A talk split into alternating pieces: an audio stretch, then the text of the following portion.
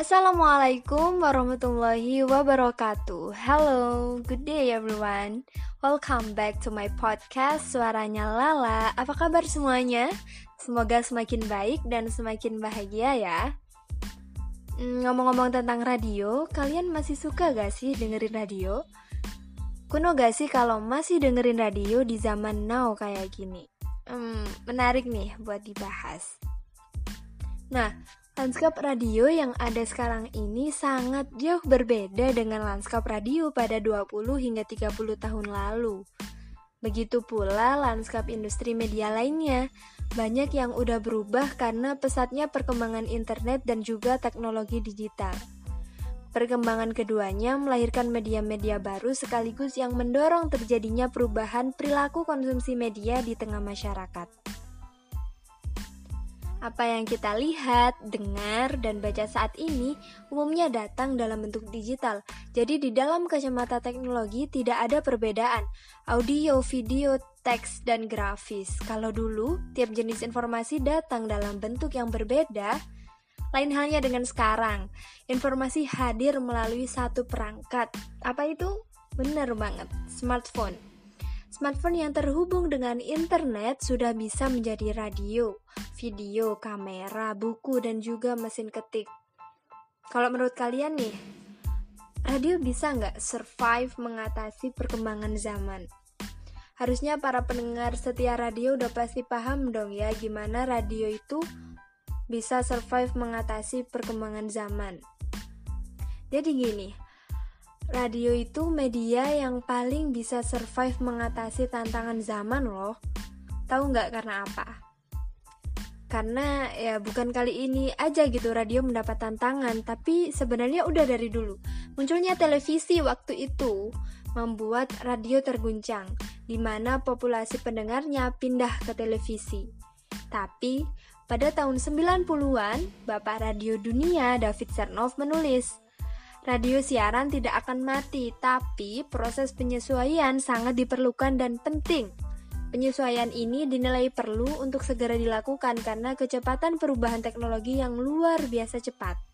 Bahkan, saking cepatnya sering kali lebih cepat dari kemampuan manusia untuk beradaptasi. Hmm.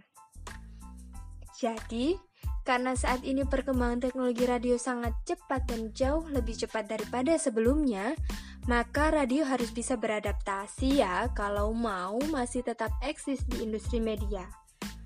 Yang bisa bertahan adalah yang mampu secepat-cepatnya beradaptasi terhadap perubahan-perubahan tersebut. Nah, buat para pendengar podcast Suaranya Lala, khususnya kalian yang pekerja radio, kudu banget nih untuk lebih cepat lagi beradaptasi dengan teknologi yang ada.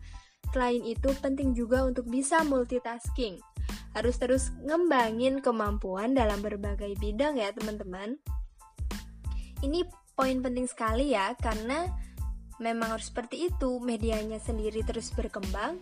Jadi kecakapan penguasaan medianya harus dikembangkan juga. Dengan media yang terus berkembang, radio itu masih punya peluang besar loh karena ada akses untuk meraih audiens. Syaratnya apa? Syaratnya radio harus mampu memenuhi ekspektasi pendengar terhadap manfaat apa yang harus diberikan. Dan apa sih yang sebenarnya orang-orang itu pengen dengar? Caranya gimana? Ya, perlu ada riset tentunya. Radio yang berhasil adalah radio yang mampu memberi manfaat sesuai ekspektasi pendengar. Kadang kita pikir itu bermanfaat, tapi tidak sesuai apa yang diharapkan pendengar.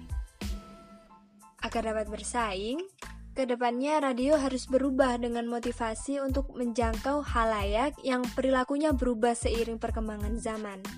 Terlebih untuk generasi Z yang lahir di era internet. Generasi ini kan tidak pernah melihat radio portable ya. Mereka melihat radio sudah bisa diintegrasikan dengan smartphone. Perkembangan ini nggak bisa ditolak, bahkan ini tuh sebuah keniscayaan. Berarti inovasi harus dilakukan oleh radio sebagai media massa yang sangat fleksibel karena bisa diintegrasikan dengan gadget. Sehingga mau nggak mau, suka nggak suka harus dibuktikan dengan riset pengguna media terkini yang bisa dilakukan secara kontinu. untuk mengetahui apa yang diharapkan atau disukai oleh pendengar atau pengakses. Kalau radio tradisional hanya berkutat pada zamannya tanpa mau berubah, lama-kelamaan ya akan ditinggal oleh generasi yang lahir di era internet. Jadi, gimana? Masih ada yang anggap kalau radio itu kuno? Masih banyak yang denger radio nggak? Uh, masih dong ya. Oke, kayaknya mungkin cukup sekian aja ya yang bisa aku sampaikan ke teman-teman semua.